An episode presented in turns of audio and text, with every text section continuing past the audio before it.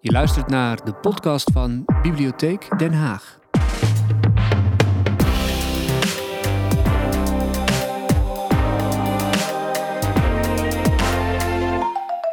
Zo, goedenavond dames en heren. Welkom uh, op uh, de nacht van Frankenstein. We gaan anderhalf uur besteden aan Frankenstein, die uh, inderdaad 200 jaar geleden is geschapen, maar nog steeds actueel is. En die vraag zouden we graag willen behandelen aan de hand van twee, wist ik niet, zogenaamde Frankenstein-experts aan de linker en de rechterzijde. Hanna Bervoets, waarom ben jij een Frankenstein-expert?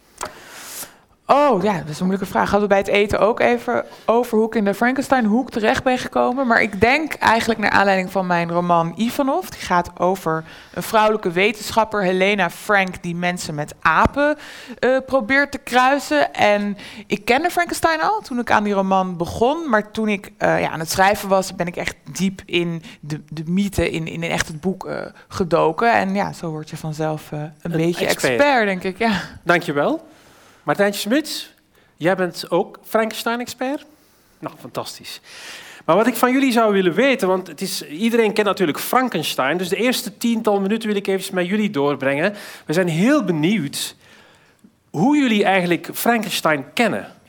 Kan iemand daar iets over zeggen? Hoe, hoe, hoe is die persoon bij jullie bekend?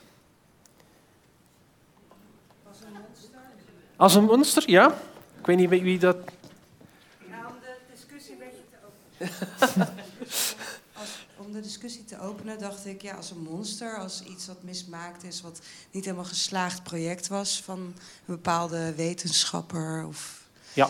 En kent u Frankenstein van de film? Of? Nee, eigenlijk meer van gewoon alle verhalen eromheen. Werd dat thuis verteld bij jullie aan tafel? Nee, gewoon meer in, in, in de media of in allerlei andere contraien. Ja. Dat, dat mensen het wel eens over een Frankenstein hadden of een Frankenstein-achtig iemand of dat soort verwijzingen. Ja, Eigenlijk het is niet heel, een heel woord geworden natuurlijk. Hè? Die, dat, inderdaad. Nog mensen die kunnen vertellen hoe zij in contact gekomen zijn met. Ja. Uh, in Duitsland. Ik was op vakantie in Ingolstadt. En daar was, hier heeft Frankenstein gegeten, dus dat wilde ik ook eten.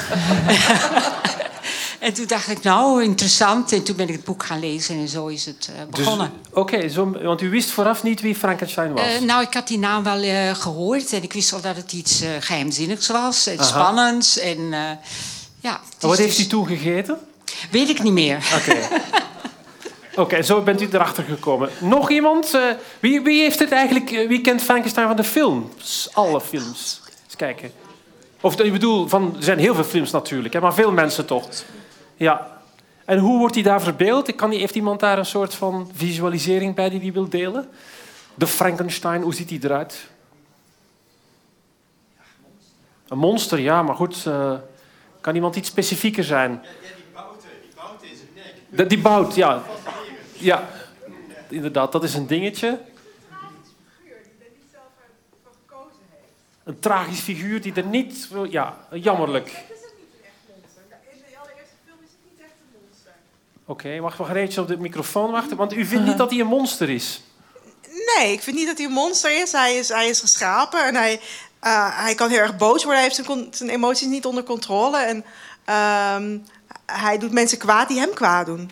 Ja. Hij, hij, hij, reageert. Dus je vindt hem heel menselijk? Uh, ja. ja, maar wel zwak in dat hij zichzelf niet onder controle heeft. Maar het is geen monster. Ja, oké, okay, dankjewel. Wie heeft het boek gelezen? Ja. Ik heb het gelezen toen ik, denk ik, twintig was. En toen vond ik het een heel goed boek. Dat viel me reuze mee. Helemaal niet het horrorverhaal wat ik verwacht had. Bovendien, het Frankenstein is niet het monster, nee. maar het is de creator van het monster. Dus is een groot verschil. Ja, en ik ben, nu ben ik het boek aan het herlezen. En ik vind het, uh, ja, ik ben helemaal verbaasd. Ik was heel veel vergeten en het is een, een heel bijzonder boek. Oké, okay, dus ja. in de herlezing wordt het nog beter zelfs. Ja, ook ja. echt dat, ik, dat je denkt van hoeveel ben ik vergeten in die tussentijd. Ja, ja. oké, okay, dankjewel. Nog iemand die iets wil vertellen over het boek? Er waren nog een aantal mensen die het boek hadden gelezen. Natuurlijk, natuurlijk ook. Ja, ik heb Engels gestudeerd, dus dan kom je Shelley tegen, de dichter. En Mary Shelley was zijn vrouw en zij heeft een heel bijzonder bewogen leven gehad. En dat was voor mij ook een interessepunt. Ja, En zij heeft op hele jonge leeftijd dit boek geschreven. ja 18 was ze geloof ik, hè? Toen ze 21 of zo, ja, Ja. Toen, toen het af was. heel jong, ja. Ja. Ja. Inderdaad. Ja, dankjewel. Nog iemand die iets wil vertellen over het boek? Ja? Hier, ja, sorry dat je heel... ja, zeg eens.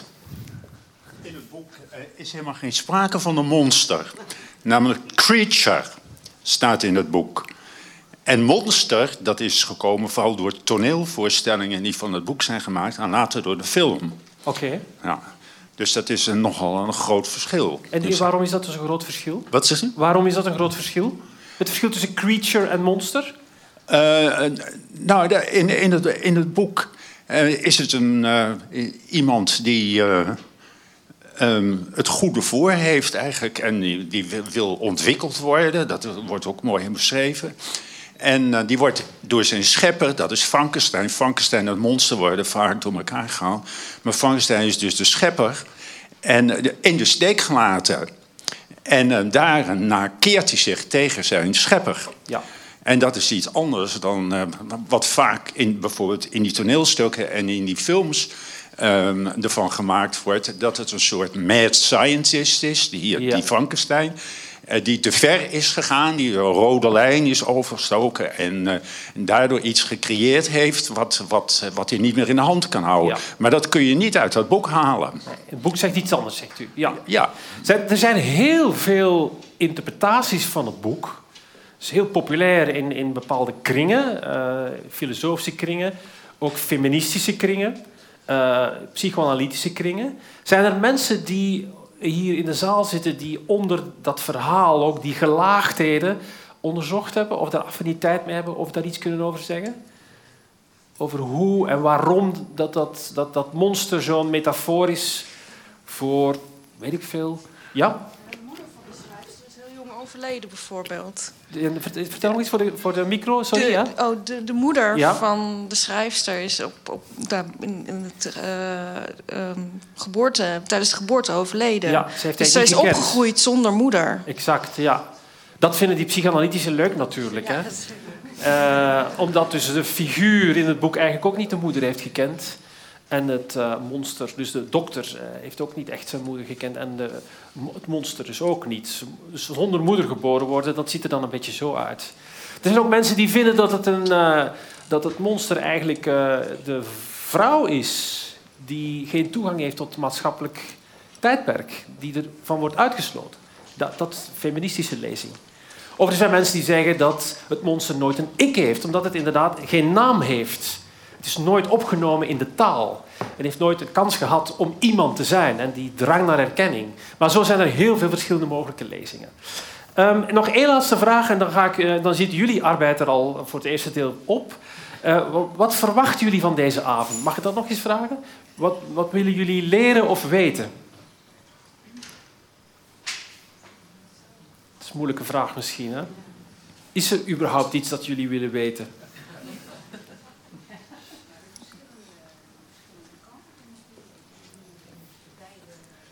Wacht even. Ja. Ik denk dat beiden niet hetzelfde zeggen, dus dan krijg je toch een andere. Je hoopt dat ze, dat ze heel Ja. veel ruzie maken, deze nou, dames. niet ruzie, maar dat ze het wel. eh, Verschillende eh, meningen verschillende hebben. meningen Ja. Oké, dankjewel. Ja, dat hoop ik ook eigenlijk. Dus zijn er nog andere mensen die eh, een duidelijk idee hebben wat ze willen horen of bijleren? Nee? Dat komt misschien straks wel. Ja, hier nog eentje? Ja? Nou, ik zei net al, kijk, Frankenstein stond voor mij bekend als het monster. Ik weet wel dat het dat niet is, maar dus de maakbaarheid van dingen, robots of mensen. Ik hoop dat dat ook een beetje naar voren komt. Want wie is dan verantwoordelijkheid voor die maakbaarheidsgedachte? En ook als je gaat interveneren, wat er dan vervolgens terecht van komt. Ja, dat is juist, ja. En niet veel goeds, hè? Zoals het zo.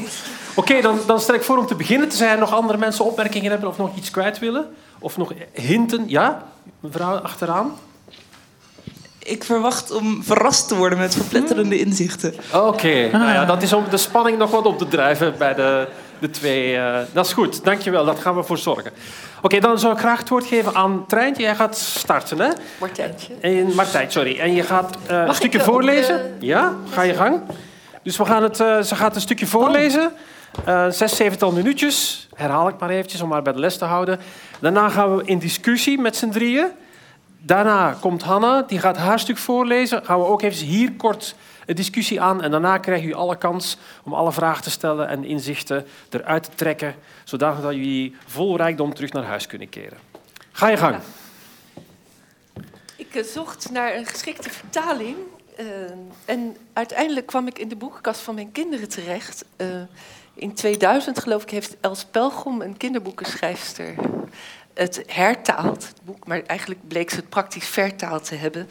Ik moest wel van Victor steeds ik maken, want in dit stukje spreekt Victor Frankenstein, de maker van het monster, in de, in de derde persoon. Dus, ehm, dus als ik me af en toe vergis tussen hij en ik, dan weet u hoe het komt. Ik zal, want ik hoopte dat Damian ook even kort het verhaal zou schetsen, maar eh, dat, dat is natuurlijk te veel, want het, verhaal uit de film is heel simpel, maar het verhaal in het boek is eh, enorm gelaagd. En wat wel belangrijk is te vertellen, is dat het een eh, gecompliceerde raamvertelling is. Dus ehm, het boek begint met een, een, een ontdekkingsreiziger, Richard, of eh, Walton heet hij in elk geval, ik geloof Richard Walton, die ehm, eh, naar de Noordpool probeert te reizen en daar probeert overheen te reizen. Probeert een gat te vinden in hoogzomer door, de, door het ijs. Tegenwoordig zou dat kunnen, toen was het nog heel koud. En hij schrijft brieven aan zijn zuster over wat hem is overkomen. Die zuster heet overigens Ehm, ik geloof Margaret, maar ze heet ook, de initialen zijn MWS, dus net als Mary Shelley, dus Mary Wollstonecraft Shelley, eh, heet ze ook zo. En Trouwens, ik, mijn initialen zijn ook MWS. Maar, ehm, en wat, ik, nou, ik mag niet zo lang praten, maar dat is heel interessant, want waarschijnlijk, je ziet dat het boek, dat er geen auto, autoritaire verteller is. Dat heb je wel bij andere romans uit die tijd, maar je ziet eigenlijk dat al die stemmen gelijk zijn. Nou, Richard Walton die vertelt dus het verhaal aan zijn zus. En nu, eh, Frankenstein is bij hem aan boord gekomen, helemaal eh, uitgehongerd. En die vertelt wat hem is overkomen, Victor Frankenstein. En daar zijn we nu op dat moment, dus in die raamvertelling. En straks, het eindigt ermee dat het monster gaat vertellen. Dus dat is de derde raamvertelling in het boek. Of het derde raam. Frankenstein, eh, dat monster is al geschapen. Daarna is Frankenstein heel hard weggelopen, heel bang. En eh, hij werd ziek en twee jaar lang heeft hij ook dat monster niet meer gezien. Ondertussen gebeurden wel allemaal nare dingen. Zijn broer is vermoord. En de, een, eh, gouvernante van het gezin is ook omgekomen. En hij voelt zich heel schuldig en ziek. Maar hij is net weer een beetje aan het herstellen. En eh, hij maakt een wandeling in de natuur in de buurt van zijn geboorteplek, van zijn huis. En bezinkt de schoonheid van de natuur. Tegen de middag had ik de beklimming volbracht over de gletsjer. De gletsjer leek nog het meest op een bevroren zee hier, van woelige golven, doorkruist door diepe spleten. Die gletsjer was ongeveer vijf kilometer breed daar. Aan het eind stak een kale rotswand bijna loodrecht omhoog. Toen ik daar aankwam, draaide ik me om en keek uit over de ijsvlakte. Boven de berg verrees de Mont Blanc met zijn glinsterend top, nu vrij van wolken. Ik weet niet hoe lang ik daar zo heb gestaan. Opeens voelde ik me blij en ik kreeg zin eens flink hard te gaan schreeuwen. Ik zette mijn handen als een toeter voor mijn mond en riep zo hard ik kon. Hé, hey, verdwaalde geesten! Horen jullie mij? Laat me alsjeblieft eventjes gelukkig zijn. En als dat niet mag, neem me dan maar mee, maar voor goed. Ik stond nog te roepen toen ik in de verte een man ontdekte. Hij kwam over de gletsjer naar me toe rennen. Hij sprong over de spleten in het ijs alsof het niets was. Hij kwam razendsnel dichterbij. Ik kon nu al zien dat hij veel groter was dan een gewoon mens. Mijn benen werden slap en ik moest tegen de bergwand leunen. Even woei de koude bergwind in mijn gezicht en daardoor kwam ik weer tot mezelf. Ik vermande me en ging rechtop staan. Ja, hij was het. Het ellendige wezen dat ik had geschapen. Ik stond te beven van woede. Ja hoor, daar was hij al. De onverlaat bleef op een paar meter afstand van me staan en voor het eerst na al die tijd zag ik dat afstotelijke gezicht terug. Het was niet veranderd en nog altijd zo afschuwelijk dat een normaal mens er niet goed naar kijken kon. Of toch? Er was wel iets veranderd. Er waren sporen van ontberingen, door honger en kou misschien. En ook verdriet, leek het wel.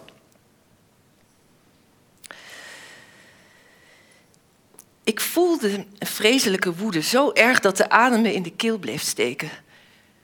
Smeerlap die je bent, schreeuwde ik. Hoe durf je bij mij in de buurt te komen? Ben je niet bang dat ik wraak neem en dat dat jou je miserabele kop gaat kosten?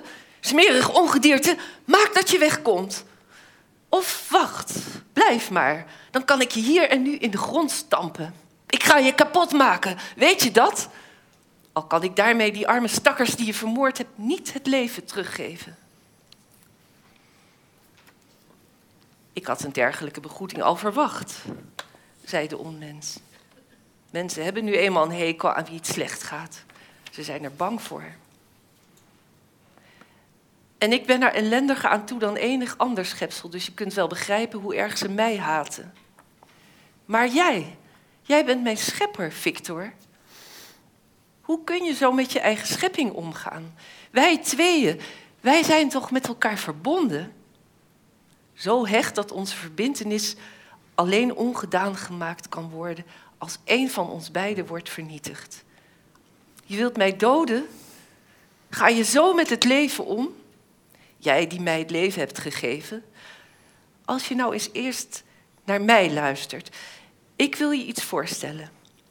Als jij jouw plicht doet tegenover mij, zal ik mijn plicht doen tegenover jou. En tegenover het hele mensdom. Als jij doet wat ik je ga vragen, zal ik jou en die jouwe voortaan met rust laten. En iedereen kan in vrede doorleven. Maar als je weigert, ja, dan, dan ga ik de mel van de dood net zo lang volproppen tot zijn pens verzadigd is van bloed en er geen een van jouw vrienden en familie meer in leven is. Nou, zo gaat het even op en neer. Waarbij, want ik, het kost veel tijd, voel ik nu, om dat het hele fragment wat ik wilde voorlezen, te voor, voor te lezen. Maar ik, ik ga nog even nu naar het slot. Um, of naar een belangrijke zin, namelijk Victor zegt hierna onder, onder andere: Ga weg! Ik wil niets meer horen. Wij zijn vijanden, wij kunnen niet met elkaar verkeren. Vriendschap met jou onmogelijk. Ik wil met je vechten. Eén van ons moet verdwijnen. Maar zijn vijand wilde niet vechten en ging door, mijn vijand, ging door met smeken. Zijn ziel, zei hij, was net als bij een echt mens boordevol liefde geweest. Begrijp je dan niet hoe eenzaam ik ben? riep hij met zijn rauwe stem. Alleen hier, in deze ijzige eenzaamheid van de gletsjer, vind ik een beetje rust. Als de mensen van mijn bestaan wisten, zouden ze komen om me te doden. Als je doet wat ik vraag, ga ik voor altijd weg. Maar als je het weigert, dan zal ik niet alleen jou en de jouwe, maar duizenden vernietigen. Schenk me je medelijden, Victor Frankenstein, wijs me niet af. Vervloekt zijn deze handen die jou geschapen hebben, zei ik. Al zijn het mijn eigen handen, verdwijn, ik wil niet langer naar je kijken. Er is maar één manier om je van mijn aanblik te verlossen, zei het monster. En hij hield een van zijn enorme handen voor mijn gezicht. Huiverend huiverend duwde ik die hand weg. Maar heus, zei het monster weer, je moet naar mij luisteren. Ik wil je vertellen wat me overkomen is de afgelopen jaren. Je zult verbaasd zijn. Kom mee in mijn hut. Het monster wachtte een antwoord niet eens af, maar liep al het ijs op. Ik volgde hem zwijgend. Ik begon ook iets als een vaag medelijden te voelen. Voor het eerst dacht ik na over de verplichtingen die iemand heeft tegenover iets dat hij gemaakt heeft. Misschien was ik in gebreken gebleven. Misschien had ik ervoor moeten zorgen dat het nieuwe wezen, mijn schepping, gelukkig was. Had ik moeten voorkomen dat het zo misdadig werd? Ik ging op een boomstronk zitten in de hut en het monster begon zijn verhaal.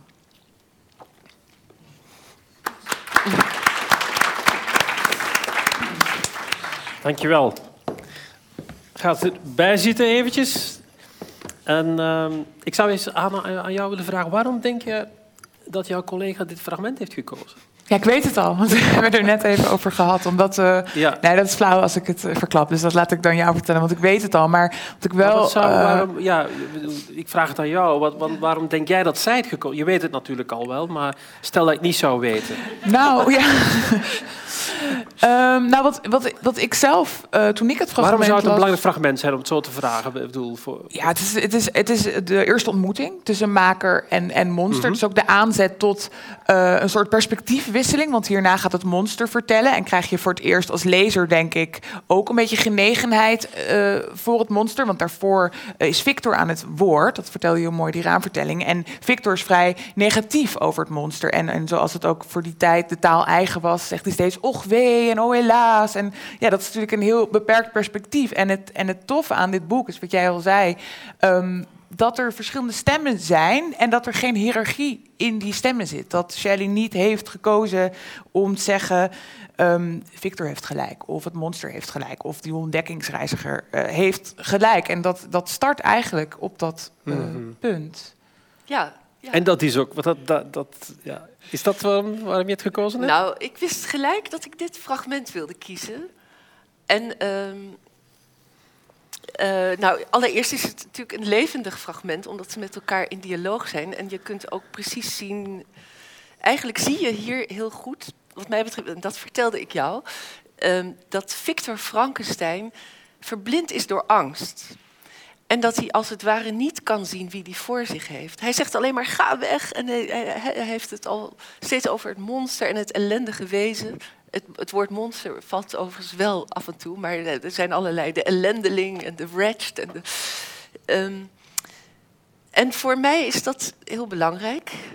Hoewel, de, wat jij zegt, er zijn voortdurend perspectiefwisselingen. Dus het is eigenlijk een soort who did it, het verhaal.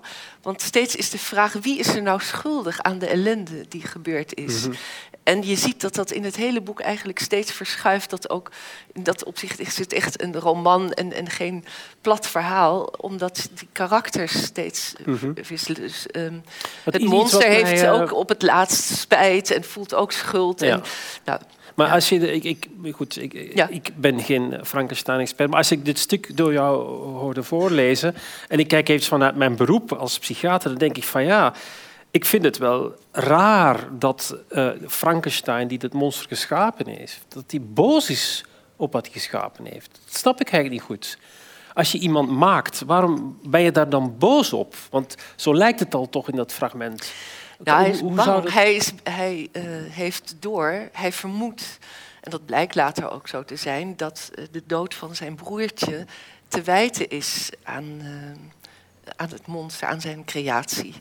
Dus hij is boos op, zijn, hij is boos over, op de verschrikkelijkheid daarvan. Ja, maar dat wist hij toen nog niet, of wel? Ja, maar dat is inderdaad de vraag. Is hij, ook, hij is natuurlijk ook boos op zichzelf. Dat is steeds de vraag dat hij, dat hij dit teweeg heeft gebracht. Ja, en het moment, ja, dat, dat wilde je misschien net ook net zeggen, maar het moment waarop je het wezen de rug toekeert, is best wel snel nadat het leven tot wezen komt en eh, tot leven komt. En in dat boek gebeurt dat eigenlijk in, in twee alinea's, in één bladzijde maar. Hij is er twee jaar mee bezig om, om van, met lijken, die, die, die naait hij allemaal aan elkaar. En het monster gaat leven. En eigenlijk vrij opeens beseft hij, oh, ik vind het heel lelijk. En, en ik ren weg en ik vind het eng. En ik vraag me af wat jij, of jij vindt dat Mary Shelley heeft Ja. nagelaten hem een dieper motief mee te geven voor dat eigenlijk best wel snelle wegrennen. Nou, voor mij, en daarom heb ik gevraagd of, om dat plaatje te vertonen.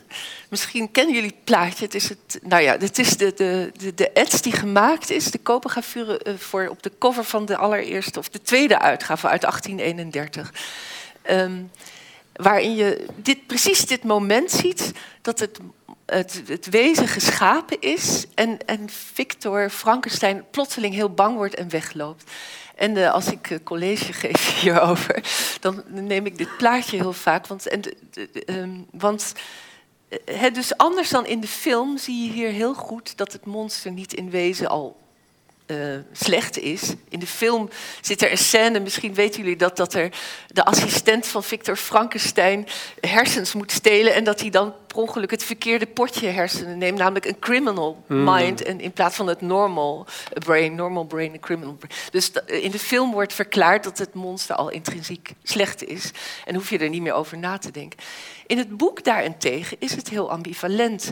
Schept Frankenstein een wezen wat inderdaad groter is dan hij zelf, maar het is een, helemaal ni- niet duidelijk dat het zo lelijk is. Eh, het is als het ware een onbeschreven blad. Wat, eh, ja, nou ja, het ziet er bleek uit weliswaar, maar het is niet met de moeren en bouten die er eh, voor de Valt nog best mee, vind ik, als ik het zo zie, niet? Dus nou, je ziet hier eigenlijk een heel gaaf wezen. Maar di- dit is het moment van die omslag dat Frankenstein die is geobsedeerd bezig geweest. Die is twee jaar helemaal afgesloten geweest van zijn familie, is maar bezig geweest dat monster te creëren. Op het moment dat dat monster ontwaakt, schrikt hij zich eh, de pleuris, loopt hij hard weg. En ehm, ik noem dat eh, precies. Ik, ik, ik vergroot dit uit naar hoe we nog steeds over technologie denken en praten. In het, Want je hebt daar iets eh, over nou, geschreven, over die ambivalentie. Hè? Dat is een van jouw... ja, nou ja, dit, raakt, dit is een hele mooie illustratie van wat ik het utopie-dystopie-syndroom noem. Ja. En wat ik ook, wat ik, ik denk dat, dat, dat we daar in onze verbeelding van technologie nog steeds eh, mee te maken hebben. Dus zeg maar, de utopie is steeds van als we dit kunnen, dan kunnen we oneindig veel energie eh, maken, of dan kunnen we eh, mensen gezond maken, of dan kunnen we, ligt rijkdom en welvaart dichtbij en gezondheid. En dan is technologie heel erg een soort onschuldig instrument waarmee je dat moois allemaal kunt bereiken. Dat is de utopie. En het andere is de dystopie. Van dat technologie juist het onheil gaat brengen. De nucleaire winter en eh, oneindig veel afval. En de nu, nou ja, dus dat, hè, de, met genetische manipulatie, allemaal kleine eh, Frankensteintjes overal. En ehm, ook daar is de techniek weer, als het ware, of die is niet meer onschuldig, die is juist het kwaad zelf. Het is ook weer. En daarom nam ik dit. Dus dat is een lange omweg. Daarom Mhm. nam ik dit fragment. Ehm, want wat ik heel interessant vind, wat is, dat komt hier twee keer tot uitdrukking. Dat het monster tegen zijn maker zegt: Wij zijn verbonden. En dan zegt Frankenstein weer: Nee, wij zijn niet verbonden. Ik wil, heb niets met je te maken. Maar in die utopie en die dystopie, daar wordt juist ontkend dat we een relatie hebben met techniek. Dus techniek is of iets onschuldigs, maar dan, is het, moet, dan doet het, ge- gehoorzaamt het aan de wil van zijn gebruiker. En dan hangt het daarvan af of je met een eh, guns don't shoot people doet, zeggen de Amerikanen. Ehm, maar ook als die techniek als een soort natuurgeweld over ons heen komt in die dystopie, dan doen we ook alsof wij niet daar een soort zeggenschap over hebben, agency. En dat is precies wat dat monster in dit fragment wil zeggen tegen zijn maker. Jij, hebt, jij, jij kan iets doen, jij had mij kunnen helpen. Eh, je had me kunnen helpen in deze wereld als je me geleerd had, als je niet weg was. Want ik was een onbeschreven blad. Je had me wat moeten leren. Ja. En, nou ja, Wil er iets aan ja. toevoegen? Of? Nee, nee. Ik, ik- Nou ja, ik- zeg altijd dat we techniek. ehm, dat we op die manier van dat instrument en dat natuurgeweld. dat we dat daarmee depolitiseren. Dat techniek eigenlijk een heel politiek fenomeen is. Want eventjes, wat Ja. ik, eh, ik vind het utopisch stukje in dit boek wel Ja. heel beperkt. Nou. In de ambivalentie, bedoel, het- Nee, het monster eh, is toch meteen Nee. zodra het... Of nee, niet? nee, nee, eh, het eerste stuk. Tot aan die, eh, de geboorte op een novembernacht eh, van het monster. eh, is juist heel utopisch. Of, nou, ja, Maar de maker vlucht meteen weg zodra hij Ja, het ziet. nee, maar, maar je hebt het boek toch gelezen? Ja. Maar je daarom- ziet in Frankenstein wordt in een hele gelukkige familie geboren. Er wordt Ja. een paradij- in paradijselijke toon beschreven, lieve vader en moeder. Maar dan gebeurt het schandaal, dan sterft zijn moeder. En dan is dat, die dood is een schandaal, dan neemt hij zich voor om het leven te gaan Ja, scheppen. ja, ja.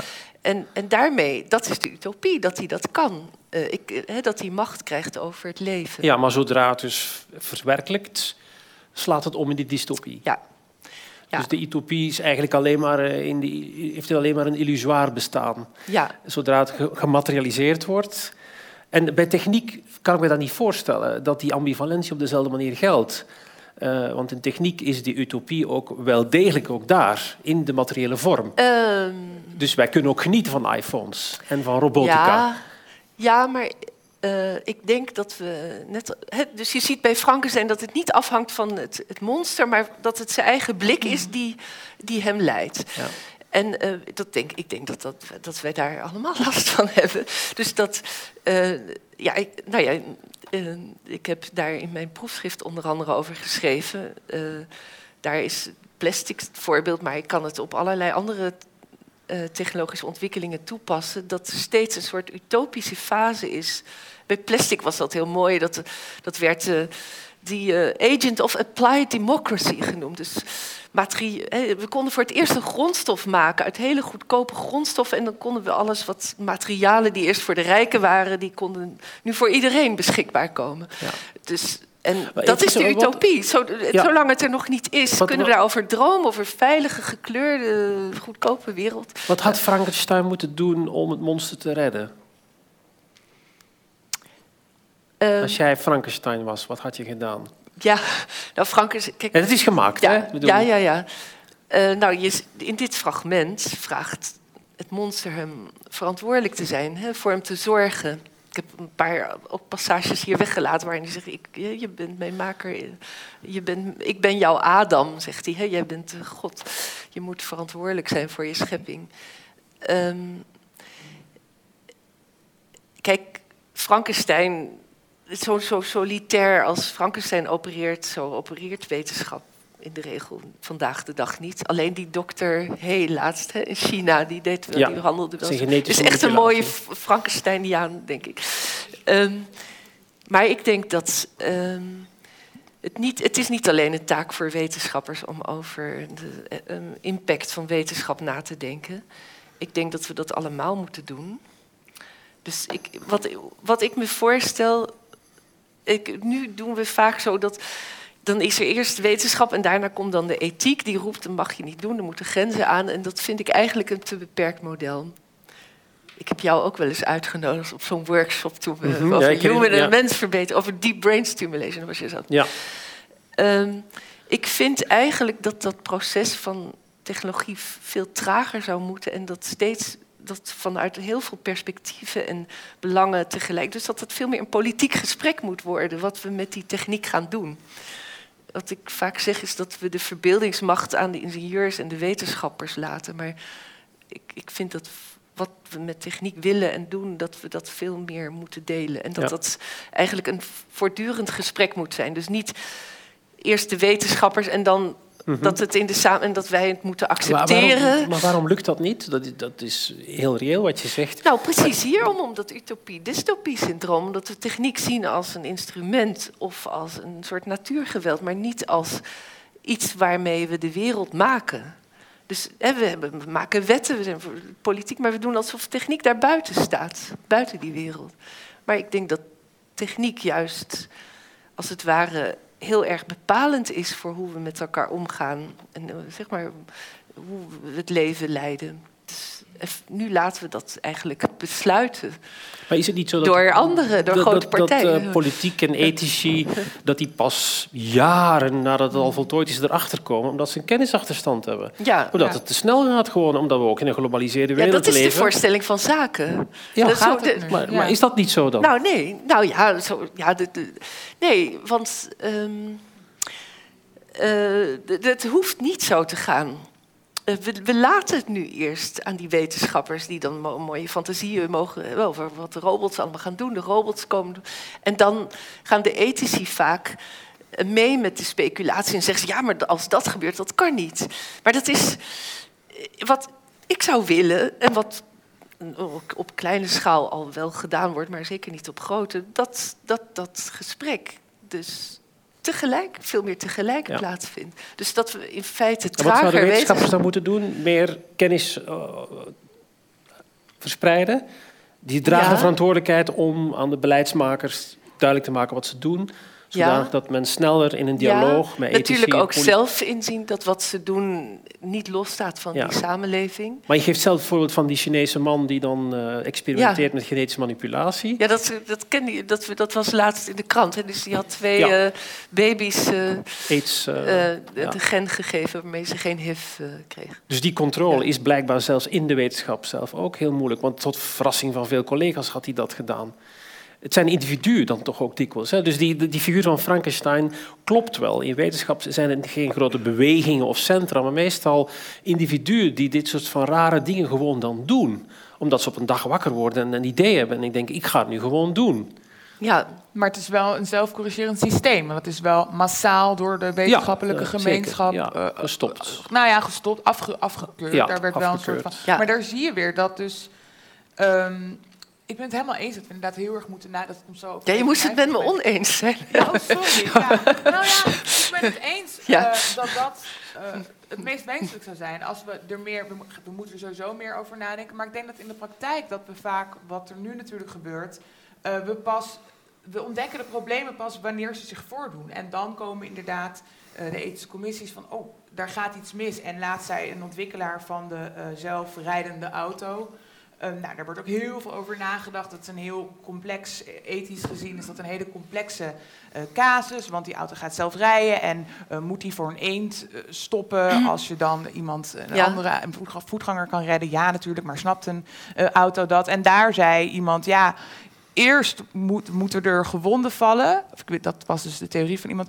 Voordat we erover gaan nadenken, oh, daar zit dus het probleem. Dat Ja. het dus eerst fout moet gaan ehm, voordat je het kan oplossen. En dat het bijna goed is wanneer dingen fout gaan, omdat we ze dan eh, kunnen oplossen. Dus ik, ik ben het eens dat het wenselijk is als we van tevoren al alle problemen zien en, en dat inkapselen en daar antwoorden Ja. op hebben. Maar is het reëel? Ja, nee, dit, wat jij noemt is het Collingridge-dilemma.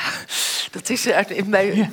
Wist je Heb- dat? Heb je daar Nee. van gehoord? Nee. Dus het is het dilemma van, ja, als we nog kunnen sturen en eh, vragen, dan, dan is het er nog niet. Maar zodra die technologie er is, kunnen we niet meer bijsturen of zo. Dat, ja, Ehm, ja, nee, Ja. dat zou je dus wel kunnen bijsturen. Het, de theorie zou eigenlijk, of nee, de theorie, wat deze eh, ontwikkelaar zei, was: ja, we kunnen niet van tevoren al alle ethische vragen beantwoorden, omdat er vragen zijn waarvan we nog niet eens Ja. weten dat ze er zijn. Er zijn problemen die komen, maar we weten. Maar nu hebben we al eh, ruim 200 jaar eh, industriële revolutie en zo. Hè. In de tijd van Frankenstein was net de, de- ingevoerd. ehm.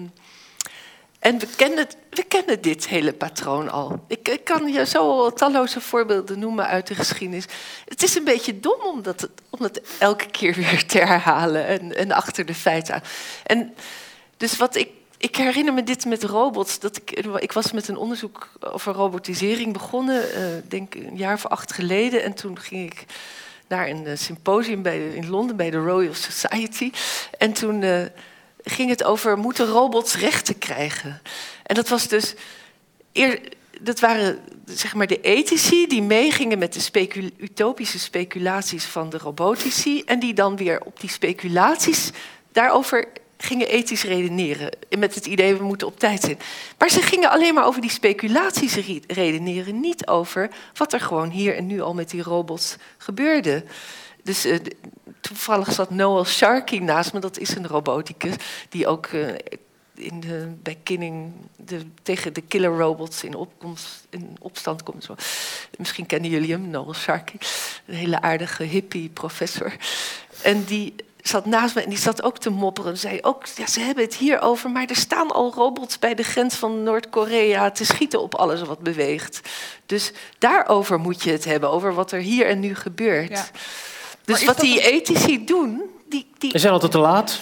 nou, we zijn te Ja. laat, maar ze... Maar goed, dat is nu... Nee, maar ze... de- de- Of ze denken over ook- de rare dingen die Je moet ook de doen. blik richten op Ja. de goede dingen. En ik heb het gevoel dat ook... Nou ja, dat is mijn eigen beroepsgroep, de ethici... maar dat ze vaak te veel meegaan in de utopische scenario's... maar en veel minder, zeg maar... checks and balances aanleggen op het proces zoals dat gaat. Wat veel meer een open gesprek zou moeten zijn. En niet alleen maar aan de ethici. En is dat een, en hoe zou dat komen? Is dat een, een eh, kennisgat? dat het, dat het blijkbaar vragen ze het aan de verkeerde mensen laten. we- Dus we vragen het aan de futuristen, aan de mensen die speculeren. Terwijl je eigenlijk dus naar die landen moet waar die robots bij wijze van spreken al staan te schieten. Is dat een. Hoe komt dat? Waarom staan ze daar niet? Ehm, ja, nou dat was ook omdat het Noord-Korea was, omdat we daar juist geen politiek debat kunnen houden. Ja, maar we weten het Ja, dus wel. Ja, Dus wat- ja, ja, ja. Nou, maar dat, dat nee, een- maar dat een- een, zijn, eh, waren, was toen iets wat heel weinig mensen wisten. Ik wist het toen ook nog Nee. niet dat dat zo was. Maar zou je ze eigenlijk moeten koppelen aan een onderzoeksjournalist of aan. Ja, Je wilt een praktische oplossing. Ja, ik zit op. Ja, ik zit op. ja, ik, ben ik. nou maar- ja, ik ja. kan allerlei voorbeelden, maar ik denk voor, bij smartphones, dat is in tien jaar gebeurd. Eigenlijk, en, en het was een ontwikkeling die we heel erg, die erg consumentgedreven ook is. Maar eigenlijk heb, heeft, heeft daar ook bijna niemand, geen ethicus, eh, heeft daar een vraag over gesteld van tevoren. Terwijl nu inderdaad een monstergedaante van, het smart, van die smartphone begint te verschijnen. En de hele wereld veranderd is in de zin dat er hele grote machtspartijen zijn ontstaan, hè, de Google en de Facebooks, die ehm, Ja. ja. zitten te verdienen terwijl wij ondertussen bijna al onze dagelijkse activiteiten via een eh, smartphone Ja. aan het regelen. Maar dat Het is, eh, Hanna, het is aan jouw beurt. God. Anders gaan we de tijd in Ja. Dus we zijn benieuwd Eh, welk ja. fragment je gekozen hebt. Ik heb een fragment gekozen, ja. Eh, ik heb eigenlijk stiekem meerdere fragmentjes eh, aan elkaar geplakt uit hetzelfde hoofdstuk. En dat is het hoofdstuk dat volgt op het eh, hoofdstuk van Martijntje. Dat is een hoofdstuk waarin het monster voor het eerst zelf aan het woord eh, komt. En aan zijn schepper, Frankenstein, vertelt wat hij zoal heeft meegemaakt sinds Frankenstein is weggelopen van hem. En ehm nou, je moet je voorstellen, toen Frankenstein wegliep, kon dat monster helemaal niet. Het kon niet praten. Eh, het, het wist niks over de wereld. Het was er opeens. Dus het heeft alles zelf moeten leren. En in de korte fraagmentjes, het is een beetje een Frankenstein-fragment, want het is alles aan elkaar geplakt. Vertelt hij ehm, hoe hij kennis vergaard heeft. Dus hij vertelt hoe hij heeft leren praten. Hij vertelt hoe hij geschiedenis heeft geleerd. En eh, dat gebeurde allemaal in een periode waarin hij in een soort hut of, of schuur, het wordt niet helemaal duidelijk wat voor constructie het is, maar hij zat in een houten huisje, hutje, aangrenzend aan een woning waar een vader woonde met zijn zoon en zijn dochter. En er zat een, een gat in de muur en daardoor kon hij dat gezin observeren. Dus hij heeft geleerd door mensen te observeren. Vier korte fragmentjes. Geleidelijk aan ontdekte ik iets nog belangrijkers. Ik merkte dat deze mensen over een methode beschikten om hun ervaringen en gevoelens door middel van duidelijk uitgesproken geluiden met elkaar te delen. Ik nam waar dat de woorden die zij spraken soms plezier of pijn, een glimlach of droefnis teweegbrachten in de geest en op het gelaat van de toehoorders. Dat was pas een goddelijke kunst en ik wenste vurig deze te leren beheersen. Maar elke poging die ik daartoe deed was tevergeefs. Hun uitspraak was snel en daar de woorden die ze uitten geen duidelijk verband hadden met zichtbare voorwerpen, slaagde ik er niet in ook maar enige aanwijzing te vinden waarmee ik het mysterie van hun spraak kon ontrafelen. Door me hierop toe te leggen en nadat ik gedurende verschijnende omlopen van de maan in mijn hut was gebleven, kwam ik echter achter de namen van enkele van de bekendste voorwerpen van discussie. Ik leerde de betekenis en toepassing van de woorden vuur, melk, brood en hout. Ook leerde ik de namen van de bewoners zelf. De jonge man en zijn gezellin hadden allebei diverse namen, maar de oude man had er slechts één en dat was vader. Het meisje werd zuster of Agatha genoemd en de jonge man Felix broer of zoon. Ik kan niet beschrijven hoe verrukt ik was toen ik ontdekte wat deze geluiden betekenden en ze kon uitspreken. Ik leerde verschillende andere woorden te onderscheiden zonder ze al te begrijpen of te kunnen gebruiken, zoals goed, lieve, ongelukkig. En dan een volgend fragment, een paar bladzijden verder. Uh, dan, uh, dan, gaan, uh, dan komt hij erachter dat de mensen die hij observeert, eigenlijk bespioneert, elkaar voorlezen uit, uit boeken. Van het voorlezen begreep ik aanvankelijk niets. Maar langzaamaan ontdekte ik dat hij tijdens het lezen vaak dezelfde geluiden uitbracht als wanneer hij sprak. Daaruit maakte ik op dat hij op het papier tekens vond die hij begrepen kon uitspreken en ik verlangde er vurig naar deze eveneens te kunnen begrijpen, maar hoe was dat mogelijk als ik niet eens begreep voor welke geluiden die tekens stonden?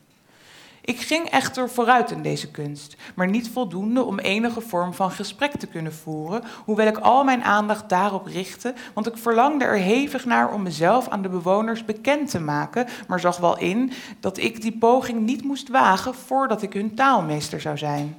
Door die kennis zouden ze mijn mismaaktheid wellicht over het hoofd zien, want het contrast dat zich voortdurend aan mijn ogen presenteerde, had mij ook daarvan op de hoogte gebracht.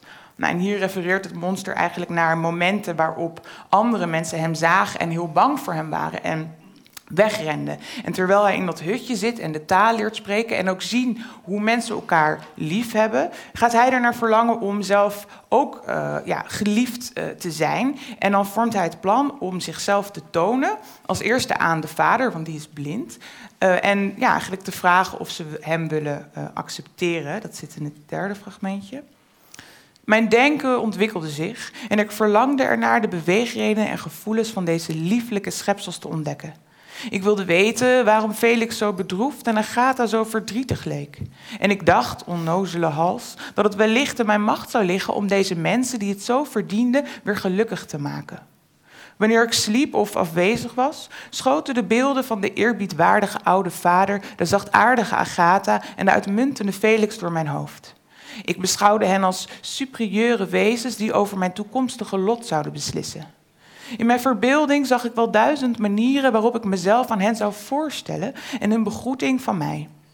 Ik stelde me voor dat ze van mij zouden walgen tot ik door mijn vriendelijke houding en verzoenlijke woorden eerst hun gunst en later hun liefde zou winnen. Nou, dat is heel ontroerend. Ik, het loopt uh, minder ontroerend af, het loopt heel zielig af. Uh, Felix, uh, Felix, het monster, die raapt zijn moed bijeen en stelt zich voor aan de vader, die, die blind is. Hij zegt, ik, ik ben op zoek, ik, ik, ik zoek naar nieuwe vrienden. En die vader luistert, die laat hem binnen, die denkt dat het een bedelaar is. Dus het lijkt heel goed te gaan. Alleen wanneer Felix en Agatha, de, de zoon en dochter, binnenkomen en het monster bij vader zien zitten, knippelen ze hem um, de hut uit en moet hij de wijde wereld in en is hij um, uit op wraak. Dus dat was even, ja, we gaan er nu over praten. Dankjewel, Anna. Fragmentje, dankjewel. Dankjewel. Ja, waarom heb je dit gekozen?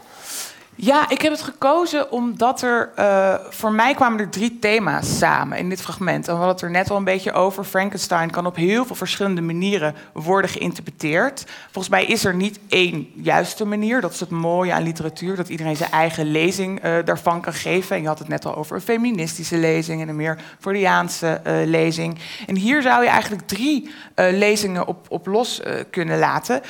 om te beginnen de bedoeling even zo, want je weet nooit zeker wat de bedoeling is, uh, van de auteur. Er is heel veel gespeculeerd over ja, wat bedoelde Mary Shelley uh, er nou mee. Nou, zelf, ik ben zelf schrijver en ik weet dat schrijvers niet altijd een eenduidige uh, bedoeling hebben, maar iets wat vaak over het hoofd wordt gezien bij het duiden van Frankenstein, is dat het is geschreven in een tijd dat uh, filosofen, maar ook wetenschappers heel erg bezig waren met opvoeding. Ze waren heel erg bezig met Rousseau, de vraag um, hoe zet je een mens op de wereld, wat geef je iemand mee. En dat zit heel erg in dit hoofdstuk waarin Frankenstein ook allerlei uh, titels op een gegeven moment gaat noemen van filosofische en meer sociale werken, waaruit hij dan opmaakt hoe de wereld in elkaar elkaar zit. En natuurlijk pas dan, ik doe weer even zo, tussen aanhalingstekens de fout van Victor Frankenstein, dat hij het wezen geen opvoeding heeft meegegeven en dat hij zichzelf heeft moeten uh, ja, opvoeden eigenlijk, of, of moeten onderwijzen. Dus dat vond ik intrigerend. Wat ik ook interessant vond aan deze fragmenten was uh, de manier waarop het monster leert, lijkt een beetje op de manier waarop uh, artificial intelligence leert. Dus in die zin nodigt het uit tot een meer moderne lezing over nou, moderne techniek. Artificial intelligence leert uh, door input. Het, het kan wat uh, als wij als mensen erin stoppen, laten we het zo zeggen. Dus dat zou je kunnen zien als Frankenstein kijkt door dat gaatje, ja. krijgt iets mee van de wereld. Dat neemt hij over. En een van de belangrijkste vraagstukken, dus dat sluit dan heel erg aan met waar wij het over hebben, bij de ontwikkeling van artificial intelligence, is de vraag welke ethiek geven we het mee? Wat, wat binnen welke ethische re regels gaan ze opereren? En ethiek is natuurlijk heel erg cultuurgebonden. Het is heel erg tijdsgebonden. Dus dat is een heel uh, lastig uh, vraagstuk. En uh, Frankenstein heeft het monster helemaal geen ethiek meer meegegeven. Dus die haalt zijn moraal aanvankelijk uit dat gezin dat hij observeert. En daar leert hij eigenlijk dat de mens goed is, dat ze lief voor elkaar zijn. Maar leert zichzelf een dan... vraag dan stellen? Kan, je artificial intelligent ethiek meegeven? Kan dat technisch? Zoals eh Anna voorstelt. eh, je kan aangeven Ja, binnen wet, uiteraard. welke wetten het hoe, opereert. hoe, kan je, ja. hoe zou je dat kunnen doen dan? Hoe werkt dat nou, dan ja, technisch? ik denk onder andere eh, dat de politie algoritmes ontwikkelt om sneller boeven te vinden. En eh, daar kan een heleboel bias in gebouwd Ja. worden. Bijvoorbeeld, dus Ja. en natuurlijk zit onze. wa- Wat je selecteert, dat is al een normatieve keuze. En dat algoritme laat je kiezen. Ja, dus je bouwt in feite, je moraliseert in feite het apparaat. Dat doen we eigenlijk steeds volgens mij. Dus dat doen we nu al. Ja, Als, maar je als- doet het- we doen het onbewust, dat bedoel je. Met die bias is vooringenomenheid. Ja. Er zit vaak eh, een zekere vooringenomenheid in artificial intelligence. Zodra we de computer eh, beslissingen laten nemen, dat doen ze op basis van gegevens die ze krijgen van ons als maatschappij of van de politie. Dat is een Ja. mooi voorbeeld. En Ja, daar zit het- al iets in. Ja, je noemt het vooringenomenheid, maar eh, je Ja, kan niet niet zo zonder. Je bouwt altijd iets in om iets naar voren te halen waarmee je iets anders niet laat zien. Maar dus je selecteert, maar dat is al een. Wat wil je zien? Dat is al een normatieve keuze. Precies. Dus in die zin bouw je ethiek in. Ja, Ja. ja. precies. Ja. Ja, het is. dus dat is geruststellend. Nee. ja. Oké. Niet geruststellend. Ja, ethiek is niet per se goed, hè? Je bouwt moraal. Is niet per se goed? Nee, nee, nee. Oké. Eh, Want dat moet je dan eens uitleggen. Als nou ja, ethiek het niet per se voorbeeld goed is- van die eh, algoritmes waarmee de politie boeven selecteert is mooi, dan een mooi voorbeeld. Want eh, daarmee, ja, nu, nou, nu, da- daarmee, daarmee bouw je vaak bias in dat juist eh, zeg maar meer donkere mensen, eh, dus met een bepaald uiterlijk, eerder daaruit gehaald worden. En eh, als kandidaat boef eh, door het systeem worden naar voren Ja, omdat gehaald. dat al uit de gegevens komt. Dus mensen zijn vaak geneigd om te denken: oh, de computer maakt een objectieve keuze. Maar de computer heeft moeten leren. Dus de computer krijgt heel veel gegevens gevoerd, bijvoorbeeld over postcodegebieden. En dan ziet de computer: oh, in postcodegebied X zijn meer arrestaties gedaan. Maar misschien was dat omdat de politie bevooroordeeld was over postcodegebied X en daar meer huiszoekingen heeft gedaan. Dus zo krijg je ja, voordelen die al bestaan komen vaak terug in techniek. En de vraag is, eh, als je erover nadenkt, wil je het eruit halen? Ja. Hoe, hoe haal je het eruit? Maar het verschil Eh, want je zegt ethiek, maar de, maar hoe het verschil maakt tussen moraal en ethiek. Er wordt moraal ingestopt, als het ware. En ethiek in de zin van dat we nadenken over de moraal, zit er natuurlijk nog Nee, niet in. dat was dus ook mijn vraag. Oh. Hoe krijg je, Ja. omdat eh, jij suggereerde, Ja. hè, er is geen, hij heeft geen ethiek meegekregen. Hè, dus, eh, en de, als je de allegorie doortrekt, zou je Ja. kunnen zeggen met artificial intelligence, hoe, hoe kan je dat? Kan je überhaupt een systeem bouwen dat zelf paradigma- paradigmatisch denkt? Maar hoe zou je dat ethisch kunnen bijscholen, zodanig dat Ja. hij geen gekke fouten maakt? Dat was... Ja, nee, daar heb ik wel een idee over. Ja, vertel eens. Ehm, nou, ik, toevallig met dit voorbeeld van die politie, daar heb ik vorig jaar ook met een zaal met 400 eh, politiecommissarissen en zo over gediscussieerd. Maar die waren allemaal, die vonden dat het inderdaad dat het systeem werkte en dat het niet bevooroordeeld was. Die dachten dat er, dat, dat mogelijk was. Terwijl eh, ik met een ander debattant natuurlijk zei van dat kan helemaal niet. Maar hoe ik vind dat het moet gebeuren is. Eh, ik ben niet tegen die algoritmes. Dat, dat is zo. En, maar ik weet dat je altijd daar moraal in stopt. Dus je moet het hebben over wat je doet. Dus dat heel bewust doen.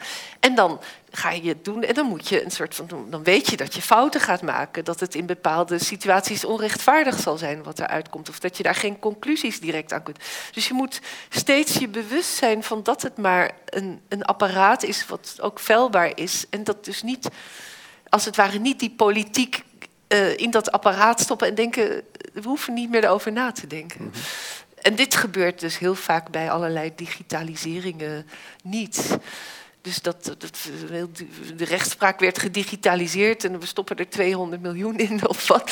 En toen bleek het een debakel omdat het al op allerlei manieren niet werkte. En, eh, tot, maar tot dat is wel weer een voorbeeld van, toen Ja. ging het dus fout. En nu kunnen we het corrigeren. Ja, maar dat proces wordt dus georganiseerd alsof we niet van die 200 jaar na Frankenstein geleerd hebben. Alsof je niet stapje voor stapje dat moet doen, dus steeds terug in de groep gooien. En eh, is iedereen het er nu mee eens wat er gebeurt? En kunnen we nu nog verder? Er zit nog geen noodklep in. Nee, het, is, het geld is uitgegeven. Het wordt, de, dat apparaat wordt weer over de schutting gegooid. Blijkt niet goed te werken. En, uh, En nu er is geen noodklep. Er is geen noodklep. De, de, de klantenservice is wegbezuinigd. Dus je kunt daar ook niet meer klagen. Eh, snap maar je? nu is de discussie er en nu kunnen we het verbeteren. Dus Ja. in die zin is het wel weer goed dat Ja. de fout is. Nou, je had natuurlijk liever gehad dat die fout Maar het, gaat, gemaakt maar het gaat zo houterig, Ja, zo het gaat moeizaam. Ja. Ja. Je wou nog een derde evolutie. eh Eh, na een derde lezing, ja, want eh, dit is natuurlijk een hele moderne lezing die je ook nu veel ziet. Jij zei al van in de media hoor je steeds die term Frankenstein en die wordt heel erg aan artificial intelligence eh, gekoppeld. Maar in zekere zin gaat die vergelijking ook een beetje mank, omdat eh, het, het mons, het wezen, heeft zelf bewustzijn en dat heeft artificial intelligence eh, nog niet. En als je het als waarschuwing zou kunnen lezen, wat eigenlijk niet kan, want Mary Shelley was niet met artificial intelligence bezig, maar zou je bijna zeggen, eh, geef het ook geen zelfbewustzijn, want dat leidt heel erg tot eenzaamheid en ja, de, de wraakgevoelens. Eigenlijk is, is het monster boos geworden omdat hij snapte wie hij is, dat hij snapte dat hij alleen is, dat hij snapte dat hij nergens bij hoort en dat hij ook nog eens werd afgewezen. En in die afwijzing zit weer een derde interpretatie die aansluit op jouw feministische eh interpretatievoorbeeld dat ik nog nooit eh, had gehoord. Maar dat eh, is inderdaad dat van een individu die niet kan voldoen aan de normen en de wetten van de meerderheid, van de samenleving. Dus dat, dat kan inderdaad zijn eh, de vrouw, dat kan ook eh, zijn mensen met een handicap die niet in de samenleving passen, die niet voor mensen met een handicap is ingericht. Dat kan zijn de zwarte man die niet in de samenleving past, die racistisch is. Dus het, is ook, het gaat heel erg over identiteit en ehm, gemeenschap. En dat is een lezing die ik nu iets minder Ja. hoor, maar die juist heel erg van nu is. In de zin dat ik altijd zeg, als het monster nu had geleefd, had hij waarschijnlijk identiteitspolitiek Ja. gevoerd. ja. hij is heel erg op zoek naar waar hoor ik bij. En hij loopt steeds er tegenaan dat die maatschappij er niet voor hem is. Ehm, dus dat vond ik ook een interessante eh, kant eraan. Ja, ja, want je zei net ook eh, dat opvoedingsperspectief, wat in de tijd van die roman eh, belangrijk was. Maar dat was eigenlijk vooral ook van die, die ouders van Mary Shelley. Dus Ja. eh, daar hebben we het nog helemaal niet over Ja, gehad. Mary, maar eh, ook dus eh, haar vader was William Godwin, die als soort grondlegger was een politiek filosoof en als grondlegger van het anarchisme als filosofische stroming wordt gezien. En haar moeder was dat een van de eerste feministen, Mary Wollstonecraft, die schreef A Vindication of the Rights of Women. Maar wat bij, het is één duiding die ik ook gelezen heb, ehm, dat die outcast die het monster is, het, wat, het wordt steeds weggestuurd, dat juist eh, William Godwin ehm, in zijn, eh, dus haar vader, streed tegen het toenmalige strafsysteem, waarin eh, boeven, criminelen, werden opgesloten. En eh, dat vond hij een onverdraaglijke en ook hele slechte straf. Hij zei zo worden deze criminelen alleen maar slechter. En we moeten ze juist opvoeden en binnen de samenleving houden. Dus eh, dat, je ziet dat, dat het monster steeds wordt weggestuurd en daardoor juist inderdaad eh, de- de- heel eenzaam wordt, maar ook juist slecht wordt, omdat hij ehm, niet Ja. opgevoed wordt. ja, en het grappige is dus dat dat zijn eigenlijk hele eh, menselijke inspiratiebronnen. Terwijl het wordt vaak gelezen op een hele simplistische manier. eh, en bij een meer christelijke lezing wordt er aangegeven... Victor Frankenstein ging op de stoel van God zitten... En dat mag niet. En toen moest hij het bezuren. Terwijl het grappige is dat... We weten niet wat Ja. Mary Shelley's motieven waren... maar dat zij veel meer uitging. Dat zij het monster veel meer als, als mens zag... en helemaal niet als Ja, ja, ja, want dat is ook. We zijn het wel met elkaar Ja. eens. Nee, dat, dat is een gebruikelijke lezing waar ik het niet mee eens ben. Dus eh, dat is, zeg maar, in de hele geschiedenis hebben we dit soort verhalen gehad van eh, mythes zeg maar, over eh, monsters scheppen. Dus we hebben een, een, een, de hubris, hè, de overmoed van een Ica, de Icarus zit dat in, in de Pygmali, Pygmalion, die ook zijn evenbeeld wil scheppen. Nou, allemaal, zeg maar. En maar daar, daar gaat het steeds over de overmoed om op de stoel van een schepper te gaan zitten. Terwijl in het boek van Frankenstein gaat het veel meer over de verantwoordelijkheid van de maker. Dus wat gebeurt er? Het gaat niet om dat je het maakt, maar dat je Eh, dus je mag best wat maken. Mary Shelley wil niet zeggen, je mag geen god spelen. Maar als je het maakt, wat doe je er dan mee? Dus voed het dan op. Ja. Of, of eh, laat Denk het inbedden. In het, geef het de kans om onderdeel van de wereld te worden. In en stoot het niet uit. Het kwaad komt. We maken zelf als het ware het kwaad als we het uitstoten. Nou, dat zou je inderdaad ook naar die identiteitspolitiek wellicht kunnen overzetten. Dat we zeg maar onze eigen monsters maken in, het, in de menselijke wereld als we mensen apart zetten. Die dan niet mee kunnen doen en die dan inderdaad ook misschien ontaarden. Of, ja. ja. Nog iets waar je het niet over eens zijn? Ja, Om het nee, publiek te bevredigen? Ben jij het overal mee eens? Ja.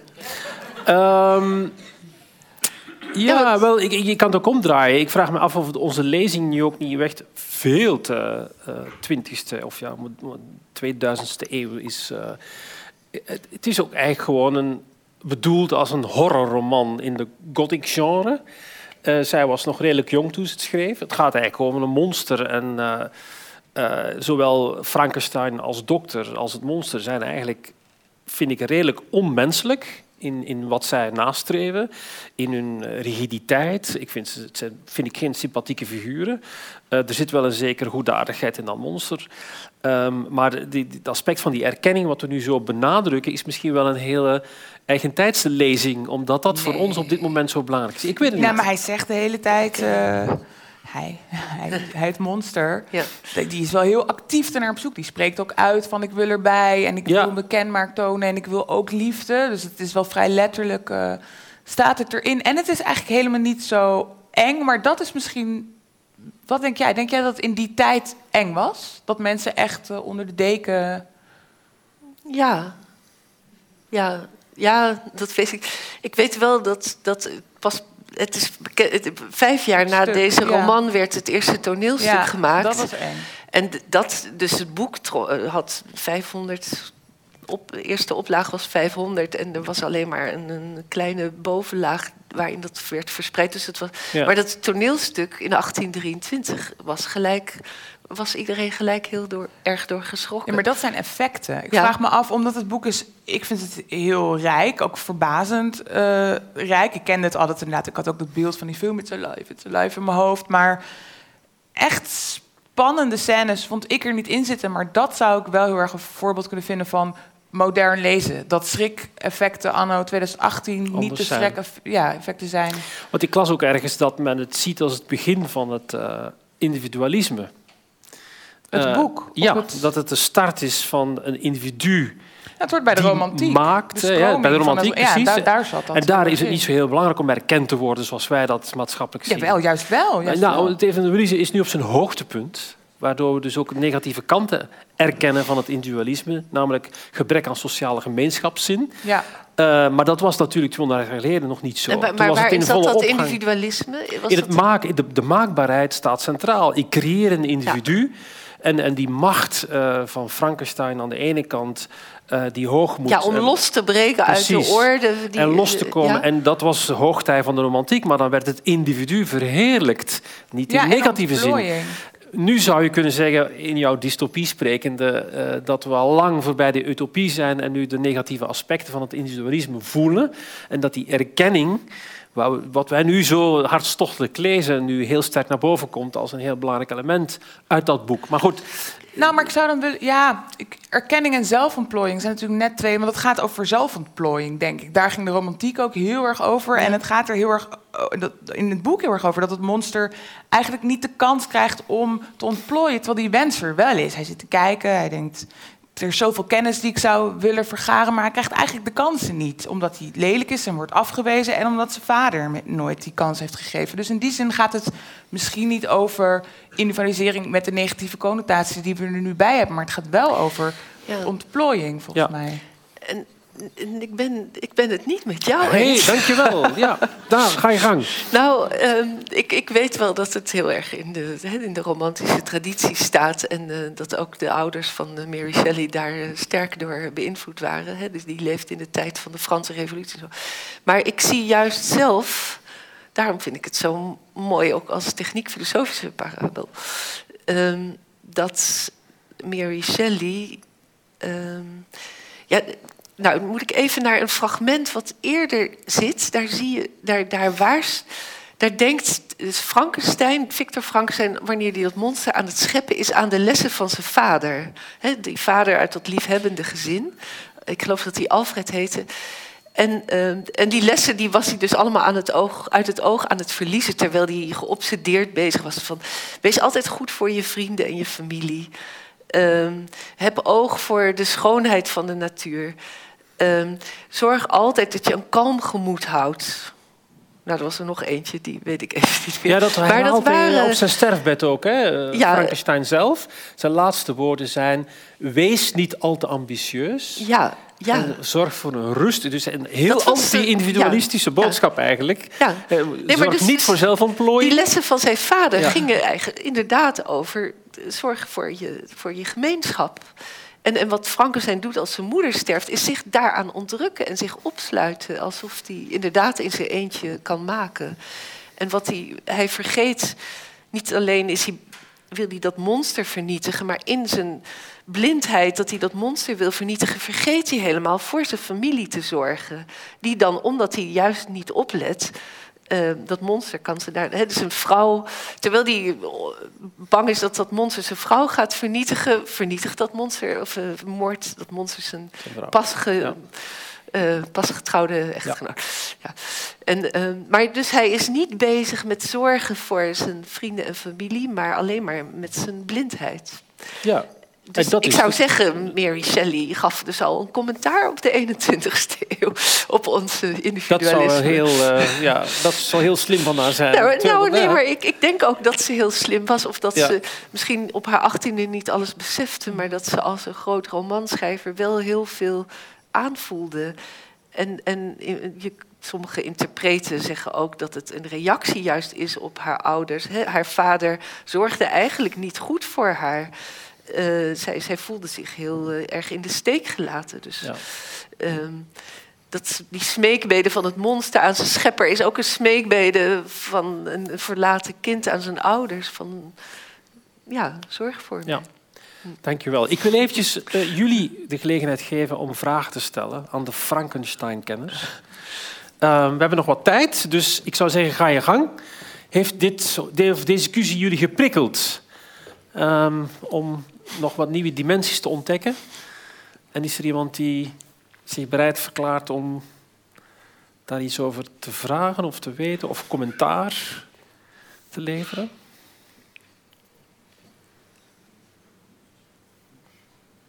Ja, mevrouw hier aan de, aan de linkerzijde. Er komt een microfoon aan deze kant.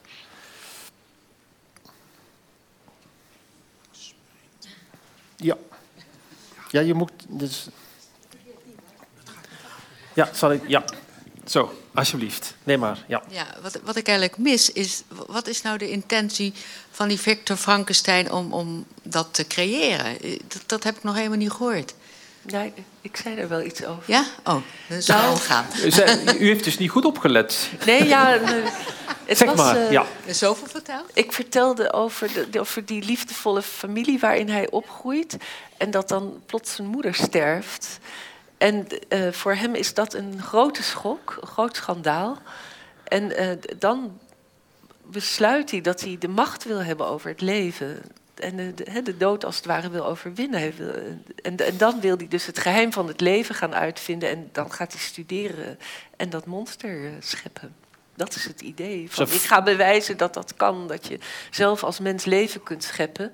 En met als idee, dat wordt uiteindelijk goed voor eh, iedereen. En, hè, eh, als, als ik dit kan, nou ja, dat wordt niet zo precies gezegd in de roman, maar als ik dit kan, dan kunnen we voortaan hebben macht over leven en dood als mens. Ja, en ook een beetje de suggestie van de doden tot leven zit er ook niet letterlijk in. Maar het is, ehm, in de film heeft hij dus die bouw. Dus lijkt het bijna een soort robot. Maar in het boek is het aan elkaar genaaide lijken en, en lichaamsdelen van mensen. Dus dan gebruikt hij eigenlijk menselijk eh, materiaal. Dus dat is ook... En toen had men, eh, die Galvani had net die ontdekking gedaan dat je met elektriciteit en zout een kikkerspier kon laten samentrekken.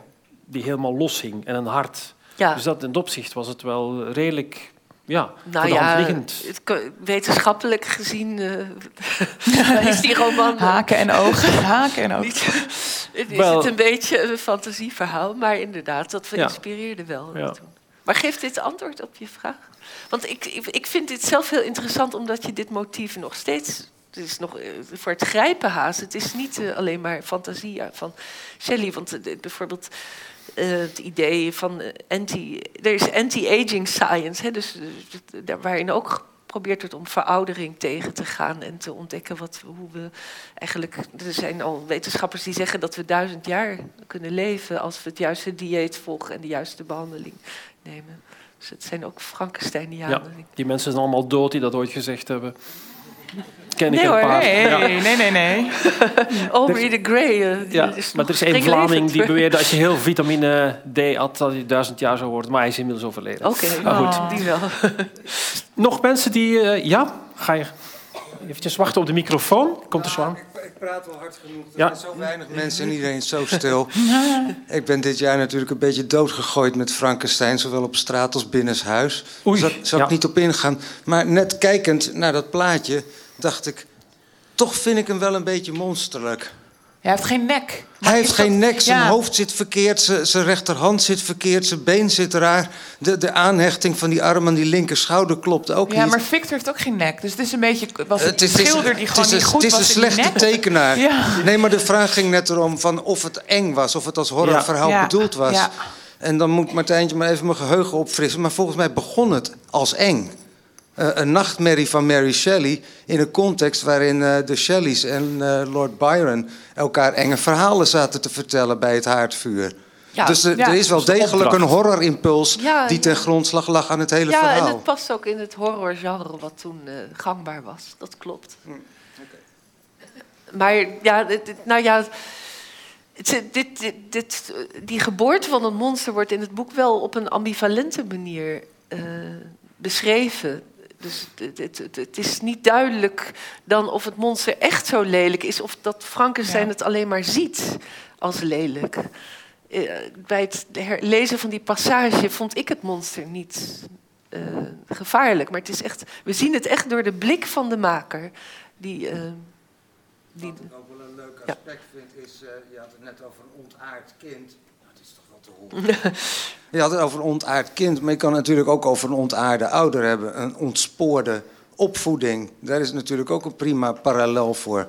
Alle ouders die kinderen op de wereld zetten en vervolgens niet accepteren dat die kinderen niet precies doen wat zij hadden gedacht dat die kinderen zouden doen. Dat zijn allemaal Frankensteintjes. Ik ben ook een Frankenstein. eh.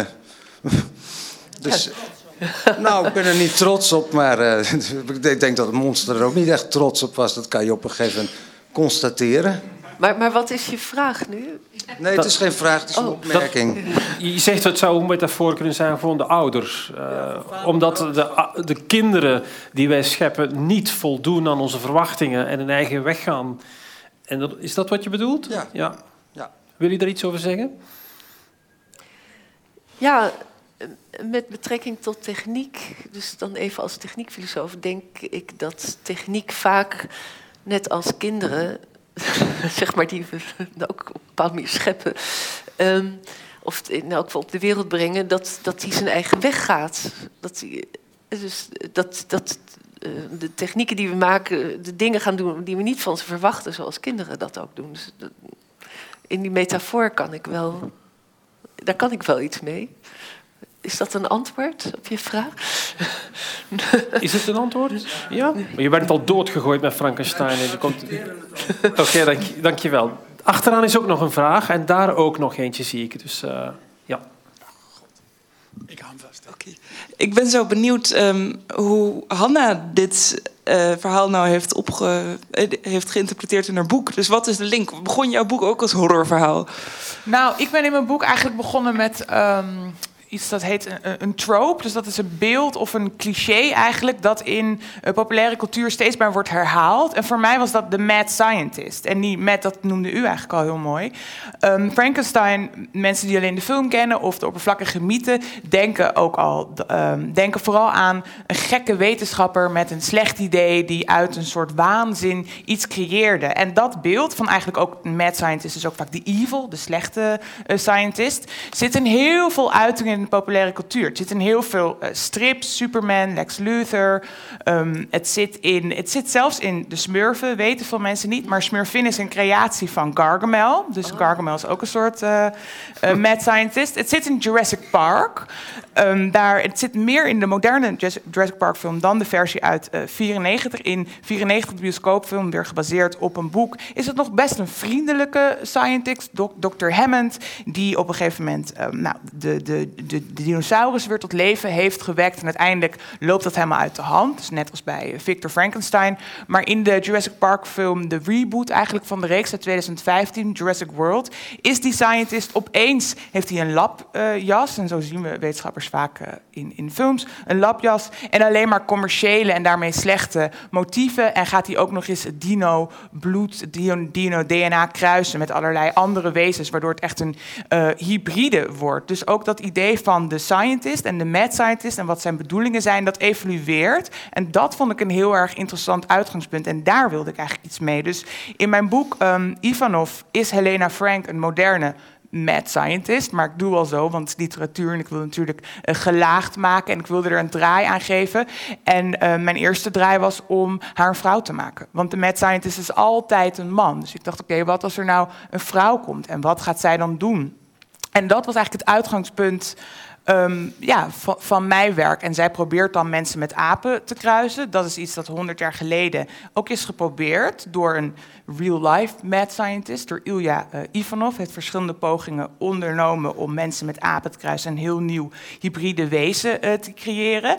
En daarmee komen we weer op dat thema van. Uh, motieven. Wat is nou het motief om twee wezens te kruisen of iets nieuws te willen creëren? En toen ben ik heel erg gedoken in de motieven van die Rus, van Ilya Ivanov, die, die dus echt heeft bestaan 100 jaar geleden. En toen ging ik nadenken, wat zou mijn mad scientist Helena Frank, wat zouden haar redenen kunnen zijn voor het creëren van leven? En dat, ja, dat waren de aspecten die mij aanvankelijk uh, aansproken in Frankenstein, maar inmiddels ja, vind ik elke lezing heel interessant. Ik, hoe vaker ik het herlees, steeds zie ik weer iets nieuws. Je zette mij daarmee echt op het verkeerde been met uh, Helena Frank. Want ik, ik had inderdaad, eerst was ze de underdog. Ze was door haar uh, faculteit uh, uh, op non-actief gezet, volgens mij. En dat leek heel onterecht aan, aanvankelijk. Dus ik dacht, ik, ik had echt helemaal medelijden. Ik zag dat pas op het allerlaatst dat ze dat was. Dat ja. Was, nee. Nou. Oké, okay, daarachter was ook nog een vraag. Hè? En hier ook nog eentje. U had, uh, ja, Daar, deze meneer was er eerder, als ik me goed, goed, goed herinner. Maar voor de psychiater, die... ja. Ga je gang. Er zijn nu uh, uh, kinderen verwekt met gemodificeerd DNA veronderstel dat die over een jaar of twintig zelf bewust worden van de wijze waarop zij zijn, eh, ja, moet ik zeggen, gemodificeerd. Welke psychologische problemen gaan zij ontwikkelen? Oh, dat is een uh, lastige vraag. Uh, welke, het is natuurlijk onhelder in welke mate dat die DNA-modificatie een impact zal hebben op hersenen, die dan weer zorgen voor die zelfreflectie, want die heb je daarvoor nodig. Ik mag aannemen dat dat niet zo meteen uh, zal gebeuren. We hebben, DNA is ingewikkeld. Hè. Vergeet niet dat 60% van ons DNA wordt gedeeld met de banaan. Om eventjes, uh, de, we hebben daar een heel raar beeld van. Dus uh, heel veel van ons DNA vinden we terug in fruitvliegen, in bananen, heel lage soorten, omdat veel DNA te maken heeft met basale celprocessen. Het maken van proteïnen, het afbreken van proteïnen. Het is maar een heel, heel klein stukje DNA dat ons echt menselijk maakt. Dat is 0,1 procent. Het verschil tussen een, een, een, apen en een mens is uh, een paar procent. Tussen mensen onderling is het verschil soms veel groter. Dus er, zijn, er is maar een heel klein stukje DNA dat verantwoordelijk is voor het menselijke reflectieve aspect.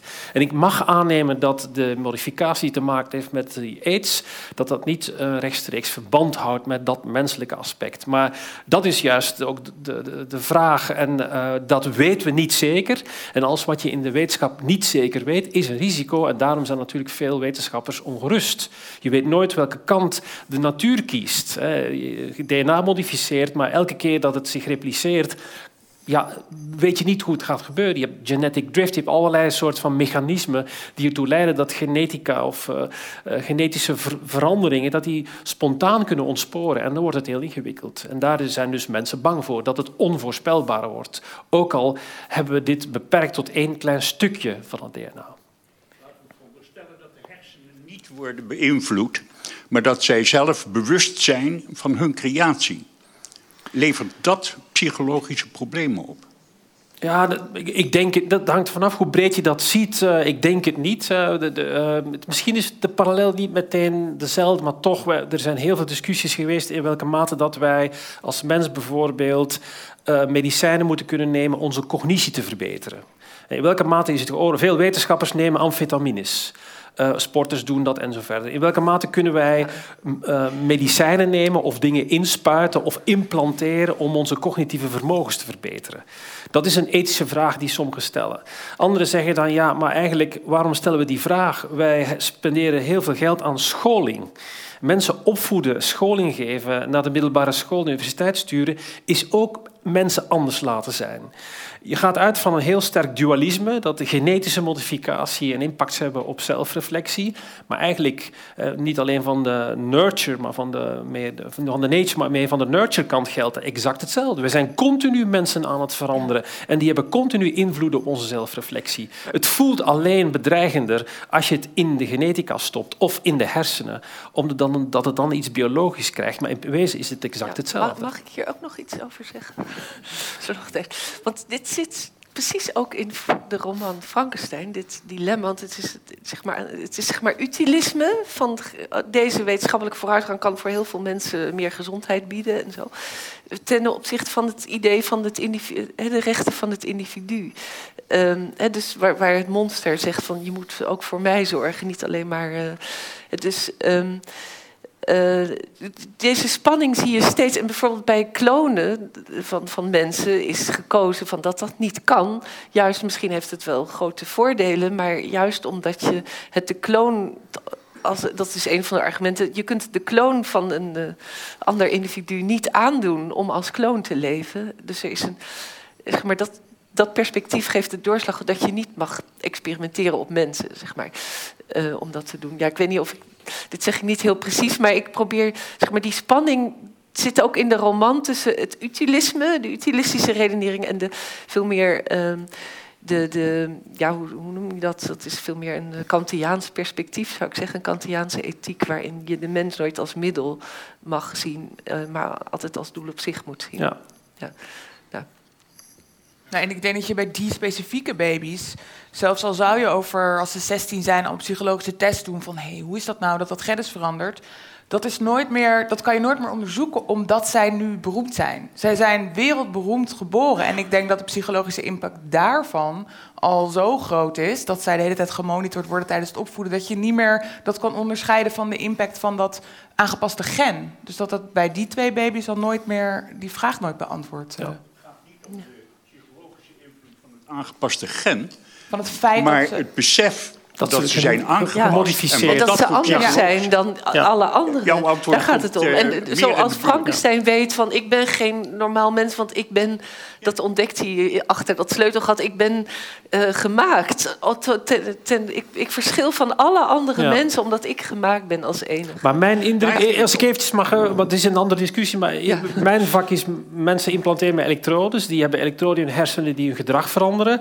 Ik sta versteld over het gemak hoe mensen dit gewoon tot zichzelf als onderdeel zien. Het is niet zo dat die mensen zeggen: oei, ik heb een vreemd onderdeel in mijn hersenen of andere in mijn lichaam. Men, men neemt dat heel snel over en vindt dat heel natuurlijk. Maar in dat geval kiest diegene ervoor om dat te doen. Die, wel, en dat maakt ja, heel veel verschil. Het hangt er vanaf of je van keuze kan spreken als je heel erg ziek bent en ja. dood wil gaan. Ja, maar voor ons gevoel maakt het heel erg uit hè? of we achter het stuur maar... zitten van de auto of in een vliegtuig zitten waar we bestuurd worden. Dus uh, de, uh, dus een kind dat met een bepaald gen is toegerust een kunstmatig, op een kunstmatige manier, is een heel ander gevoel dan wanneer je later in je leven gentherapie. Maar je, hebt ook al kinderen wiens geslacht gekozen is. Ja, en Dan kan je hetzelfde probleem, hè, dus dus dat je kan kiezen- tussen meisjes en jongens, dat wordt gewoon toegepast. Is wettelijk. Ja. Dat is dezelfde vraag. Dan kan je zeggen, ja, ik kon Ja. even goed meisje zijn als het niet was genetisch ge- uitgekozen. Nee, maar ik vind Dus dat, het lijkt me nog steeds een, Ja, een een ethisch geldige ethische vraag. ik, er zijn nog twee mensen die iets, duidelijk iets zouden vragen. Achteraan, meneer, daar. U ook nog iets eh, vragen. En dan hier. Ja, ik oké. heb eh, een vraag van een hele andere orde. Want ik ben nog wel eh, geïnteresseerd om iets meer te horen over Mary Shelley. Want ik, ik weet nu van haar dat ze pas 19 was ongeveer toen het boek geschreven werd. En dat haar moeder in het kraambed is gestorven. Maar ik, ik, kunnen jullie me iets meer eh, vertellen over haar en hoe haar leven... En, en hoe dit boek in haar leven een plek had? Was het toen ook al zo groot? En, nou, dat soort dingen. Wie gaat weer? Kijk, ik, nou ja, er maar iets aan. over Nou ja, wat intrigerend is, ze had natuurlijk al wat eh, dramatische dingen beleefd. De moeder gestorven bij het kraambed. Ze had met Percy Scheller toen al een erg bekende eh, eh, dichter, eh, auteur. Alleen het, nadat ze dit boek is vrij dramatisch. Er zitten allemaal doden in. En een beetje wat bijna griezelig is, dat haar leven daarna was een opeenstapeling van nog meer drama. Jonge kinderen zijn overleden. Percy Shelley uiteindelijk op een boottocht, haar grote liefde, omgekomen. Dus soms zegt ze wel eens, ehm, ze heeft later, ze, ze is dood jongens, maar ze heeft later wel eens over dat boek gezegd, oh dat boek was eigenlijk een vloek. Ik heb mijn eigen toekomst al uitgeschreven en daarna eh, werden al die vloeken waarheid. En het was inderdaad, ja, wat jij zei, naar de toneelstuk ehm, is het een grote hit geworden. Het is ook haar, ik zeg even hit, zeiden ze toen niet, succes. Ehm, en dat is het ook gebleven, maar ze heeft daarna nog een aantal heel interessante andere romans eh, geschreven, die eigenlijk een beetje ja, onderbelicht eh, zijn. Eh, The Last Man, een, een, een, ja, een dystopie waarin de wereldbevolking wordt uitgeroeid en nog één man staande blijft. Dat was een stuk later in de carrière, dus dat wordt weer opgevat. Ook alsof dat natuurlijk autobiografisch is, iedereen om haar heen overleed.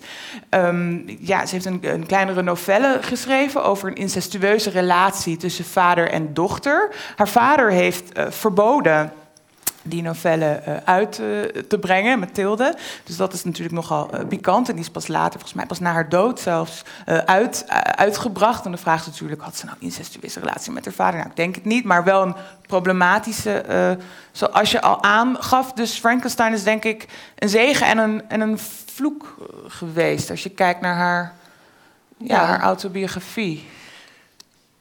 Zou je daar... Ja, nou- ja, eh, misschien heb je het al gezegd, maar ze heeft een tamelijk ongelukkig leven geleid. Eh, want bijna al haar kinderen zijn ook gestorven. En ze had al, ze was geloof ik zwanger van de tweede toen ze dit boek schreef. En ondertussen overleed het eerste kind. Dus in die zin, dat wordt, in- zo worden het door interpreten ook gezien als inderdaad die verhouding tussen moeder en kind die- daarin. En dat is een ongeluk. En ehm, nou, eh, ik kan niet zo heel veel meer aanvullen bij jou, maar een van de dingen die ik wel interessant vind, misschien, want misschien weet je dat er nu een film uit is, eh, voor een paar maanden geleden in Nederland uitgebracht over Mary Shelley. Dus daar moet je zeker heen gaan, hoewel ik hoorde dat hij niet zo, niet zo heel denderend is, maar wel interessant. En daar wordt haar leven eigenlijk verteld eh, tot het moment dat er, haar vader ehm, eh, laat weten dat zij het heeft geschreven, want eerst is het anoniem gepubliceerd. En, nou ja. En speculeerden mensen dat het van eh, haar man eh, Ja, zou zijn. ja, want Percy Shelley, die overigens vlak na het verschijnen in 19, ja, 1822 eh, verdrinkt, dus die gaat ook al dood. ehm, die heeft zelf eerst, eh, die heeft over Prometheus geschreven, maar die heeft dus juist een heel erg voor, vooruitgangsgeloof in, een, in zijn boek neergelegd. En je kunt dit boek zien als een soort van kritiek op dat vooruitgangsgeloof van haar man. En nou ja, heel lang werd gespeculeerd omdat het anoniem was dat hij het had gemaakt. En eh, in de film wordt gesuggereerd dat het anoniem is geschreven, gepubliceerd, omdat, omdat een vrouw niet eh, haar naam zou kunnen noemen. Dus vanuit het vrouwonvriendelijke tijdperk waarin dat verscheen. En volgens mij is, klopt dat niet. Heeft ze het met opzet vanuit ehm, om niet de autoritaire zeg maar, schepper te zijn, eh, eh, anoniem gepubliceerd en zit het precies in dit acro of dat, die initialen waarin ze haar auteurschap laat zien. Nou ja, dat is. eh, ik weet niet of dat biografische informatie is, maar het is wel iets wat me Hmm. intrigeert. Maar zo- zo- zodra bekend werd, ik zag op internet twee recensies. eh, toen het verscheen en bekend werd dat zij het was als vrouw. Waar, men, eh, waar de recensisten zeiden: wij weigeren het te lezen omdat het door een vrouw is geschreven. Dus dat Ja. was wel degelijk een maar ding goed, eh, haar blijkbaar moeder, vroeger. haar moeder publiceerde rond 1790 eh, verschillende werken. Maar die werd gewoon met haar eigen naam gelezen. Ja. Of er is Ah. iets gebeurd in die Ja. twintig jaar daarna. Maar Nou ja, of dat je- kon- ja, ja, het- ik heb me ook altijd afgevraagd. Het is altijd een beetje schimmig gebleven. Maar wat ik wel interessant vond, J.K. Rowling, die alle Harry Potter boeken eh, heeft geschreven, die heeft expres, die, die K zit volgens mij helemaal niet eh, in de naam, die heeft gewoon J.K. gekozen, zodat niemand zou weten of ze man of vrouw was. En dit is 20 jaar geleden. Dus ik, ja, ik, ik, het kan natuurlijk en-en Ja. zijn. Dat je zelf denkt van, nou, ik wil het wel verkopen. Ik hou het een beetje Ja. in het midden. Nee, het was wel ondenkbaar dat zo'n jong meisje zo'n verschrikkelijke boek eh, Ja. schreef. Ik- We moeten helaas gezien de tijd eh, ophouden. Ik, dit is waarschijnlijk misschien nog gelegenheid eh, in de pauze of nadien om nog wat te kletsen en wat vragen te stellen. Eh, ik wil een hartelijk applaus voor Hanna en Martijntje. Graag alsjeblieft. En voor Ja. jou. En eh, jullie ook doen herinneren dat er eh, straks een, eh, een nieuw eh, festival is, liter, literair festival, Winternachten. En dat deze beide dames daar ook zullen figureren. Ook over hetzelfde onderwerp, min of meer. Toch? Nou, kan je er iets over zeggen wat jullie gaan doen? Dan gaat het volgens mij ook over eh, de- juist dat. Endless Life. Dus eh, met Mark O'Connell. De, Ja, O'Connor, de- ja. Over, ja. Vooral over transhumanisme en wat je, met levensverlenging. Ja. Nou, we gaan gewoon het gesprek voortzetten. Mooi, denk ik. ja. En ik zelf ga er ook iets kleins doen. Ik ga een aantal mensen op de sofa leggen die eh, literaire figuren zullen spelen. En dan probeer ik hun ziel te doorgronden. Ik wens jullie nog een prettige avond en hartelijk dank voor jullie komst.